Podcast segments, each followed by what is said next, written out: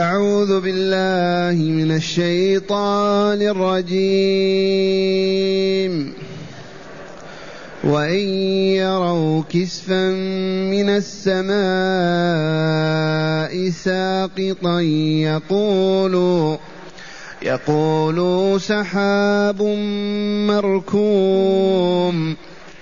فذرهم حتى يلاقوا يومهم الذي فيه يصعقون. يوم لا يغني عنهم كيدهم شيئا ولا هم ينصرون. وإن للذين ظلموا عذابا دون ذلك عذابا دون ذلك ولكن أكثرهم لا يعلمون. واصبر لحكم ربك فإنك بأعيننا. وسبح بحمد ربك حين تقوم. ومن الليل فسبحه وإدبار النجوم. أحسنت. معاشر المستمعين والمستمعات من المؤمنين والمؤمنات ما زال رسول الله صلى الله عليه وسلم يعاني من صلف المشركين وعنادهم وتكبرهم وكذبهم واباطيلهم من ذلك يقول الله له وإن يروا كسف من السماء صاغت يقول سحاب مركب ما يصدقون. لو أن السماء تسقط منها قطع على رؤوسهم ويشاهدون ما يقولون آمنا أبدا. هذا يقول سحاب متراكم. لعنادهم وكبرهم وجحودهم. ومع هذا كان يواجههم صلى الله عليه وسلم. ويذكرهم ويعظهم ويبين لهم. وإن يروا كسفا من السماء قطعة من السماء ساقطة يقول لا هذا سحاب فقط متراكم ما هو عذاب نازل علينا. من أخبر بهذا الخبر خالق خالق عقولهم وخالق آداب أخلاقهم يعلم ذلك منهم. والله العظيم. هم يطالبون الرسول بالعذاب. لن نؤمن لك حتى تفجر الأرض من ينبوعا أو تكون لك جنة من نخيل. و يطالبون أشد المطالبة. ومع هذا لو شاهدوا شيئا ما آمنوا. لأنهم ما يريدون أن يسلموا. يريدون أن يبقوا على الباطل والفساد والشر. وإن يروا كسفا من السماء ساقطا يقول سحاب مركوم متراكم. إذا يا رسولنا ماذا تفعل؟ ذرهم اتركهم. ما يقدر على شيء. يقتلهم ما أمر بقتلهم. فذرهم يخو فذرهم حتى يلاقوا يومهم الذي فيه يصعقون قراءة الجميع ويصعقون قراءة حفص. والصعق السقوط بعد الهلاك اتركهم يا رسول خليهم ماذا تصنع؟ معهم ما آمنوا ما صدقوا ما استجابوا ما هدأوا ما سكنوا. دائما هكذا. اتركهم حتى فذرهم حتى يلاقوا يومهم الذي فيه يهلكون يموتون. وهذا صالح لموتهم وصالح ليوم القيامة. اتركهم. حتى يموتوا.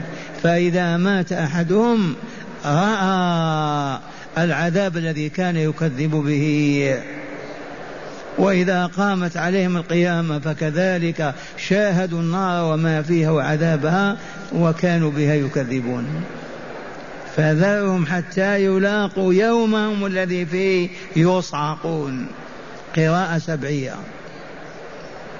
ثم قال تعالى يوم لا يغني عنهم يوم لا يغني عنهم كيدهم شيئا ولا هم ينصرون. إي والله.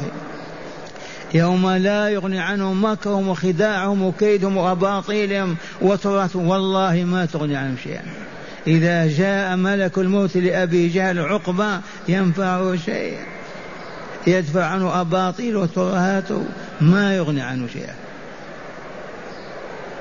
يوم لا يغني عنهم كيدهم شيئا ولا هم ينصرون. من ينصرهم؟ والله قد هزمهم وسلط عليهم البلاء والعذاب. هكذا يتلوها صلى الله عليه وسلم في مكة ويسمعونها ويتكبرون عن سماعها. والله يدخلون أصابعهم في آذانهم حتى ما يسمعوا والعياذ بالله. ثلاث عشر سنة والرسول هكذا يواجه في مكة. فصلوا عليه وسلموا تسليما واتسوا به واقتدوا به. عظوا الناس ذكروهم علموهم واصبروا واحتسبوا. فلا سخط ولا جزع ولا غضب ولا سب ولا شتم ولكن بالحكمة والموعظة الحسنة فاقتدوا بنبيكم. كان يلاقي ما يلاقي. أما أنتم ماذا تلاقون؟ أعظم شخص قل له صلي ما يسلم. ما في شيء. ثم قال تعالى وإن للذين ظلموا عذابا دون ذلك دون عذاب الموت والقيامة في الدنيا. وهذه الآية وزعوها على العالم. وإن للذين ظلموا بالشرك والكفر والفسوق والفجور هؤلاء الذين ظلموا ما هو حالهم؟ عذابا دون ذلك دون عذاب يوم القيامة وهو عذاب الدنيا. وبالفعل جاء الله بالمشركين الطغاة الجبابرة بعد سنة من الهجرة وذبحوا وقتلوا كلهم في بدر. بعد سنة أصابهم جذب وقحط والله أكلوا الصوف يلطخونه بالدماء ويأكلونه. سبع سنوات وهم في بلاء وعذاب. مصداق قوله تعالى وإن للذين ظلموا عذابا دون ذلك العذاب. فهذه الآية تعم كل إنسان. الذي يعرف الظلم ويتعمده يفسق ويفجر يظلم ويعتدي يكفر ويشرك لا بد له من عذاب يذوقه قبل الموت. عذاب الدنيا. كما ذاق هذا مشرك مكة وكفارها القحط سبع سنوات حتى أكلوا ماذا أكلوا. الوباء يخلطونه مع دم الحيوان ويأكلونه. وجاءوا يبكون إلى الرسول ودعا لهم ورفع الله عنهم البلاء. هكذا يقول تعالى وإن للذين ظلموا هيا نشرح معنى الظلم. كررنا القول ما الظلم؟ الظلم وضعك الشيء في غير موضعه. هذا هو الظلم. وحرم الله الظلم على عباده. وحرمه على نفسه. وما ربك بظلام للعبيد. أولياء الله لا يظلمون. العالمون العارفون بالله ما يظلمون. فما هو الظلم؟ وضع الشيء في غير موضعه. نبدأ. خلق الله هذا العالم بكامله للإنسان من أجل أن يعبده. فيترك عبادة ربه ويعطيها لصنم أو شهوة أو فرج أو طمع في الدنيا. أي ظلم أفظع من هذا الظلم؟ خلق الكون كله من أجلك. وأنت من أجل أن تعبده وتشكره وتذكره. فتترك ذكر وشكره وتذكر غيره وتشكر غيره هذا والله أفظع أنواع الظلم. وقال تعالى إن الظلم إن الشرك لظلم عظيم. قال لقمان لولده إن الشرك لظلم عظيم. أخذ حق الله وإعطاه لغير الله. أي ظلم أفظع من هذا الظلم والعياذ بالله. فلهذا معاشر المستمعين لا نصرف عبادة لغير الله. أبدا.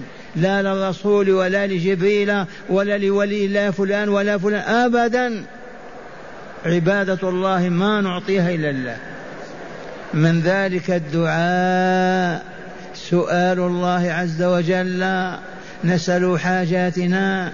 هل نسأل غيره ونقول يا سيدي فلان أو يا رسول الله أعطينا كذا؟ نسخط الله ونغضبه. الركوع والسجود عبادتان. والله ما نركع ولا نسجد إلا لله. فمن ركع لسلطان أو لحاكم وسجد والعياذ بالله عبد غير الله.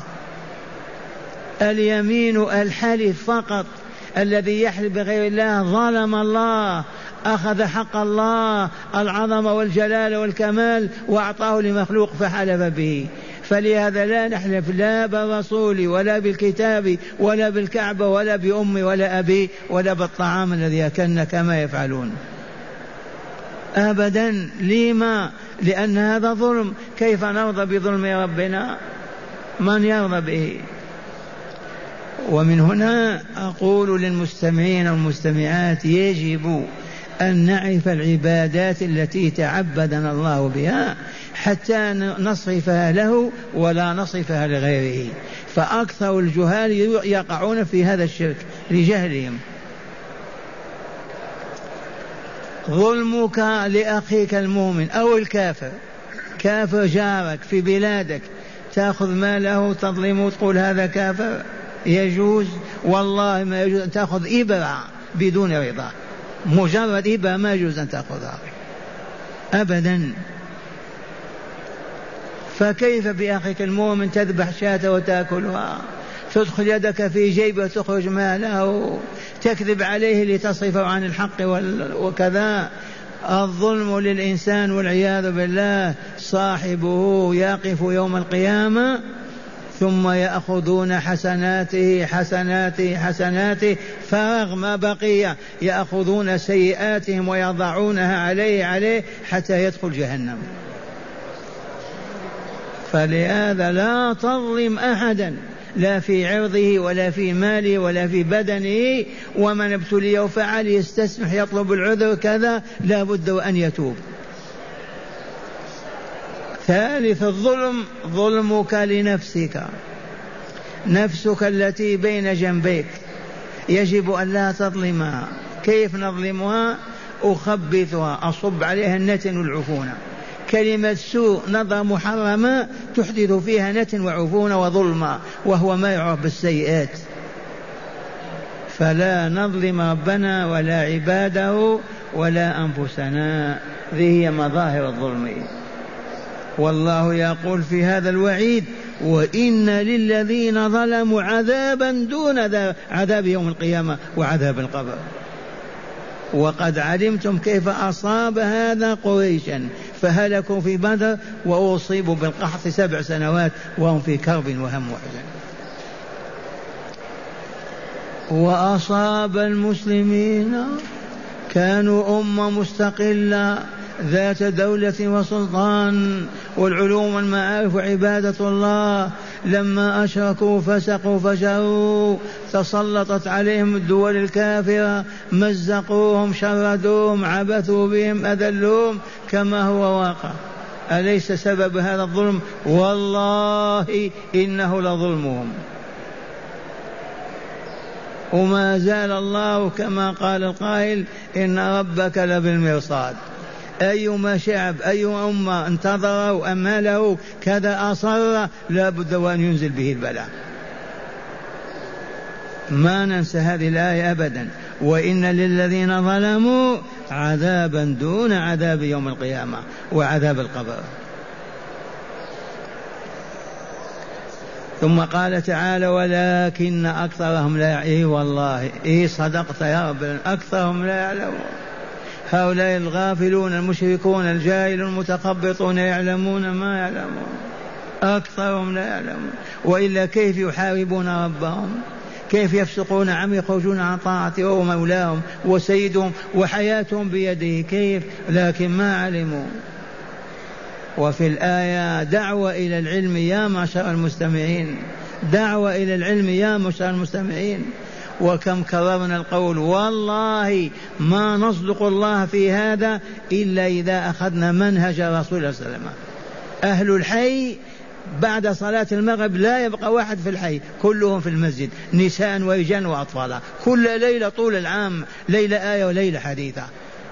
أهل القرى هذا شأنهم وبذلك نكون عالمين حقا. وإذا علمنا صلحنا استقمنا طبنا طهرنا وقل ما شئت من الخير والكمال. واقرأوا إنما يخشى الله من عباده من؟ العلماء. الجهال يخشون الله ما ما عرفوا. ثم قال تعالى واصبر لحكم ربك فإنك بأعيننا. من القائل فاصبر الله جل جلاله وعظم سلطانه. من المأمور بالصبر رسول الله صلى الله عليه وسلم. يصبر وإلا لا يقاوم ليل نهار وهو في كرب وهم وحزن. فالله يأمر بالصبر ما تزجع ما تغضب ما تسقط. اصبر على دعوتك حتى ينصرك الله. فاصبر لحكم ربك واصبر لحكم ربك فإنك بأعيننا. هذه نون العظمة. فإنك بين أيدينا. نراك ظاهرا وباطنا. ونعرف ما يضرك وما ينفعك. فنحن نحميك ونحفظك ونقيك من كل مكروه. واستجاب الله وفعل لعبده ورسوله. ما اعتمروا على قتله. واتخذوا قرارا بإعدامه وذهب أربعون شابا لبيته. هل قتلوه ما قتلوه خرجوا وراءه بعدما خرج من مكة وبعثوا رجالهم بأموالهم. استطاعوا يأخذوا من طريق مكة حتى وصل المدينة. بعثوا من بعثوا المدينة وسلطوا اليهود. ما استطاعوا. لأنه بين أعين الله مرعي محمي. ما ما يستطيع أحد أن يمسه بالسوء. هكذا وعده الله. واصبر لحكم ربك فإنك بأعيننا لا تخفى عنا أبدا ولا تغيب. نحن نحفظك ونحميك وننصرك. وقد فعل الله عز وجل. خمسة وعشرين سنة فقط والإسلام قد ساد هذه الديار كلها.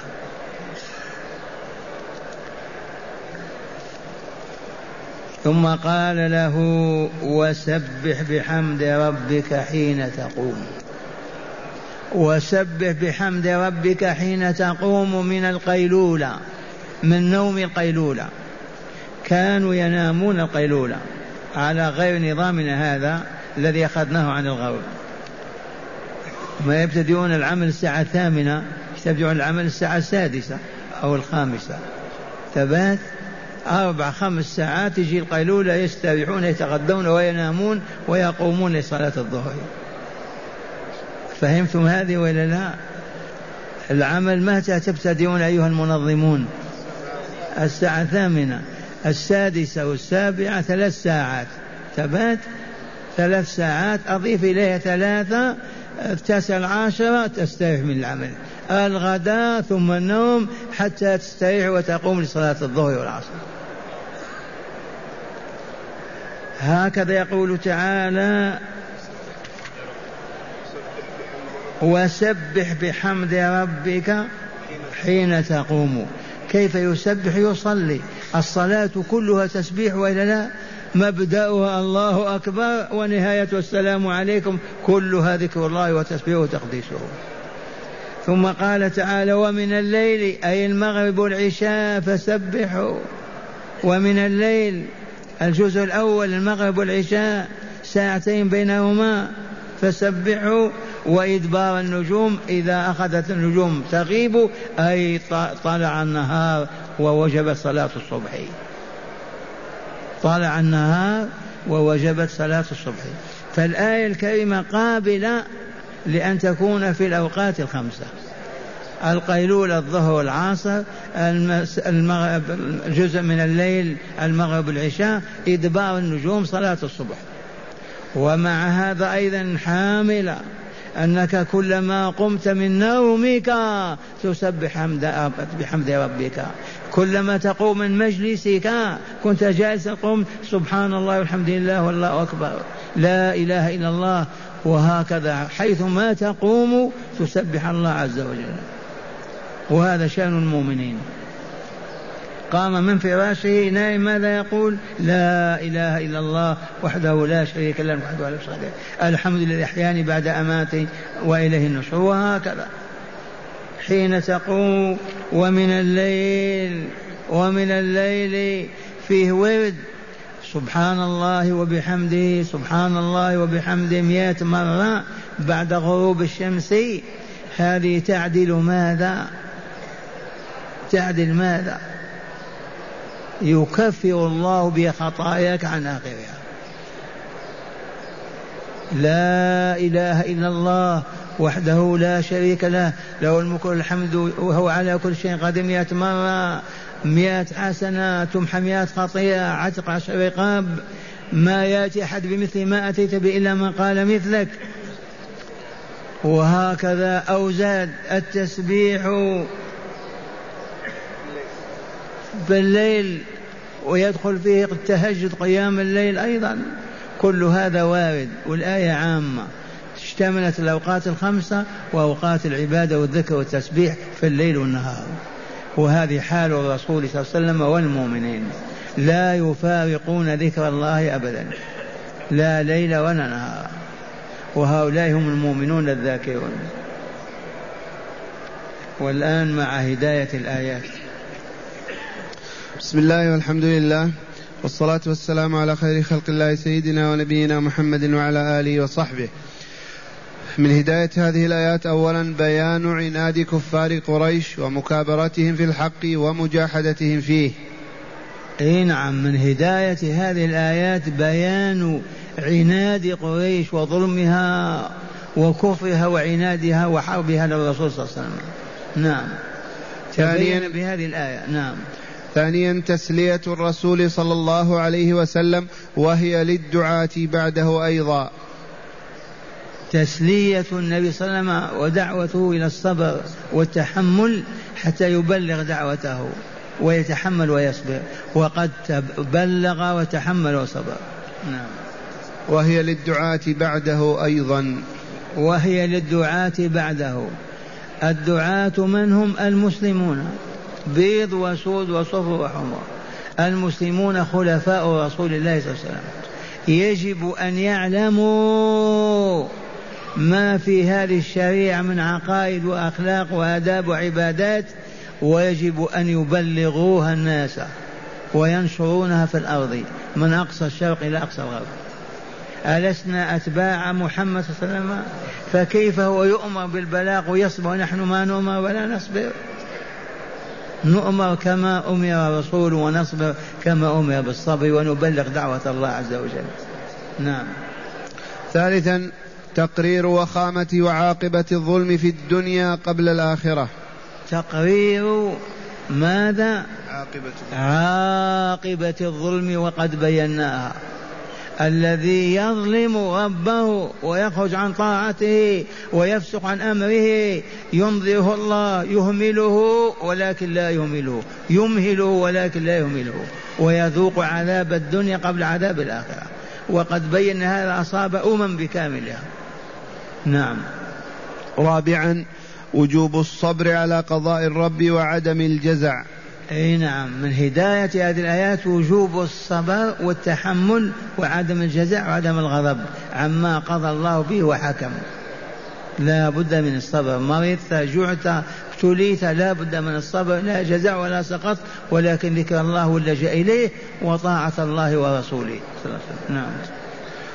مشروعية التسبيح عند القيام من النوم بنحو قول لا إله إلا الله وحده لا شريك له له الملك وله الحمد يحيي ويميت وهو على كل شيء قدير. والحمد لله الذي أحياني بعدما أماتني وإليه النشور. إي نعم الآية فيها دليل على مشروعية ذكر الله والتسبيح عند القيام من النوم عند الدخول على فراش النوم عند الأكل عند الشرب عند الركوب عند النزول عند عند في كل أحايين ذكر.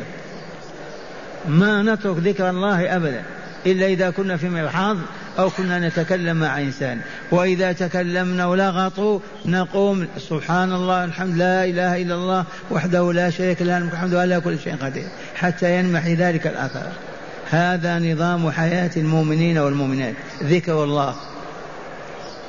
روى الترمذي بإسناد حسن قوله صلى الله عليه وسلم من جلس في مجلس فكثر فيه لغطه فقال قبل أن يقوم من مجلسه سبحانك اللهم وبحمدك أشهد أن لا إله إلا أنت أستغفرك وأتوب إليك إلا غفر له ما كان في مجلسه ذاك. هذا الترمذي يروي هذا الحديث الصحيح. من جلس مجلس وفيه اللغط هذا يقول كذا كمجالسنا. أستغفر الله مجالسنا ما في هذا مجالس غيرنا. ثبات فلما يريد أن يقوم كيف يمحو هذه الآثام والذنوب؟ يقول سبحانك اللهم وبحمدك لا إله إلا الله وحده لا شريك له. أستغفرك وأتوب إليك. يمحى ذلك الإثم نهائيا ولم يبق منه شيء. سبحانك اللهم بحمدك أستغفرك وأتوب إليك. أستغفرك وأتوب إليك.